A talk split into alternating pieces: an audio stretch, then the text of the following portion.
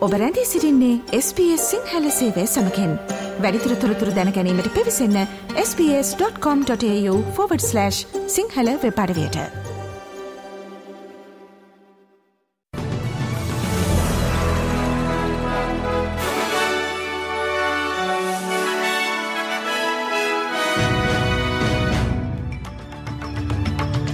අද ජනවාරි මාසේ දෙවනිදා අඟහරුවාදා SBS සිංහල සේවේ ප්‍රෘතිගෙනන මම දිනේ ශාදිල් රුක්ෂී විජේසූරිය. නිවසෞත්වල්ස් ප්‍රාන්තේ උතුරු ප්‍රදේශයට බලපෑ ඇති කුණාටු සහ ගංවතුර හේතුවෙන් ගත වූ පැවිසි හතර තුළ අවම වශයෙන් උපකාර ඉල්ලා ඇති සිදුවීම් එකසිය පහළවකට ප්‍රතිචාර දක්වා ඇති බව ගලවා ගැනීමේ කණ්ඩායම් පවසති. ඊයේ සිට නෝදන් රිවර්ස් කලාපේ පමණක් මුදා ගැනීම් විසිහතක් සම්පූර්ණ කර ඇති බව නිවසෞත්වේල්ස් හදිසි සේවය සඳහන් කරායේ. කුයින්ස්ලන්ත ප්‍රාන්තයේ ගංවතුරු තත්වය පිළිබඳව තවදුරටත් තොරතුරු වාර්තාවේ. ඉදිරි පැවිසි හතරේ සිට හතලිස් අට දක්වා කාලය තුළ නොත් පයින් සහ සමසෙට් වේලි විවෘත කිරීමට අවශ්‍යය හැකි බවට කුයින්ස්ලන්ත බලධාරීන් අනවැකි පල කරයි. ගංවතුර අනතුරැඟවීම් ලෝගන් ඇල්බට් නෙරෙං කුමේරා සහ පැරූ යන ගංගාවලට අදාළව නිකුත් කොට ඇතැයි වාර්තාවේ. ගෝල්කෝස් ප්‍රදේශයේ ඇතැම් ප්‍රදේශවලට මිලිමීට තුන්සියකට වඩා වැඩි වර්ෂාපතනයක් පතතිවී ඇති බව කාලගුණ විද්‍යාකාරයංශය සඳහන් කරයි. හැකිතාක් මාර්ගවලින් ඉවත් වී සිටින් ලෙසටත් බෝට්ටු පදින්නට නොවැන් ලෙසටත් පොලිසිය ජනතාවගෙන් ඉල්ලා සිටියේ. කාලගුණ අනාවැකිවලට අනුව වර්ෂාව අද සවස් භාගයේ හෝ හෙටදිනේ දක්වාම පැවතිය හැකි බවට ගෝල්කෝස් නගරාධපති ටොම්ටේට් සඳහන් කරායේ. The Bureau has indicated that um, there will be more significant rain uh, and it won't let up till uh, Tuesday afternoon, perhaps even going on to Wednesday. බටහිර ඔස්ට්‍රේලියාවේ ඇතැම් ප්‍රදේශවලට තාප තරංග අනතුරු ඇඟවීමක් ක්‍රියාත්මක වේ.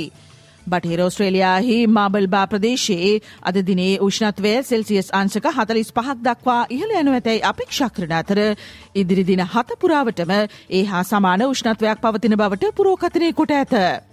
තාප තරංග හේතුවෙන් බටහිර ඔස්ට්‍රේලියාවේ පිල්බරා සහ කින්බර්ලි ප්‍රදේශයට බලපා ඇති අධික උෂ්ණත්වය මෙම සතිය තුළදී සුළු වශයෙන් පහව යනු ඇතැයි අපේක්ෂා කරේ. මේ අතර පාලනය කළ නොහැකි සහ අනපේක්ෂිත ලැවකින්නක් බටහිර ඔස්ට්‍රේලියාවේ වෙරළ බඩ දීවර නගරාසල ජීවිත සහ නිවාසවලට තර්ජනයක් වෙමින් පවතින බව වාර්තාවේ. ප්‍රාන්තයේ බටහිරට වන්නට ඇති ලීමන්හි දකුණු ප්‍රදේශය සහ ග්‍රීන් හෙඩ්හි උතුරු ප්‍රදේශය සඳහා හදිසි ලැවගිනි අනතුරු ඇඟවීමක් නිකුත් කොට ඇත.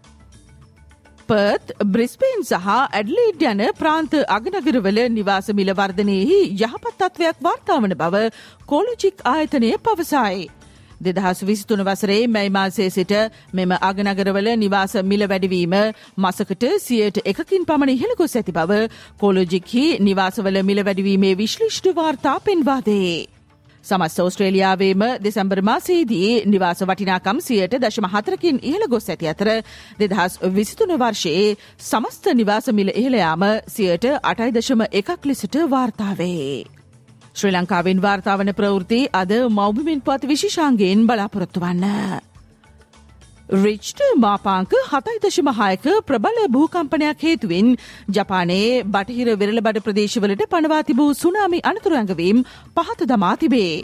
භූමිකම්පාවෙන් පසුව ජපාන කාලගුණ විද්‍යා ඒජන්සිය ඉශිකාවා නීගාටා සහ ටොයාමා ප්‍රාන්තවලට ප්‍රධාන සුනාමි අනතුර ඇඟවීමක් නිකුත් කොට තිබින.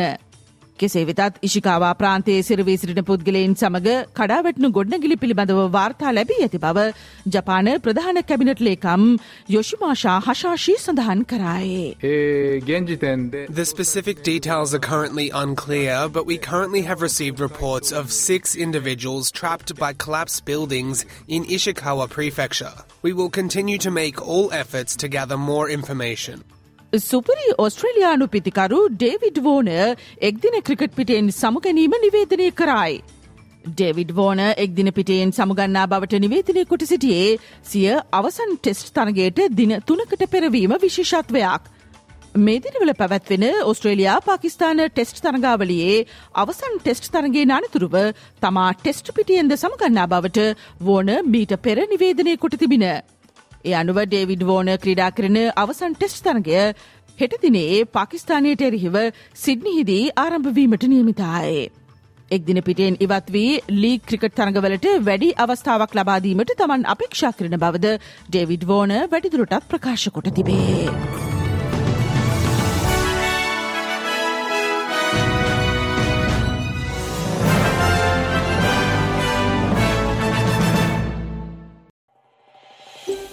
මේ වගේ තවත්තොරතුරු දැනගන්න කැමතිද.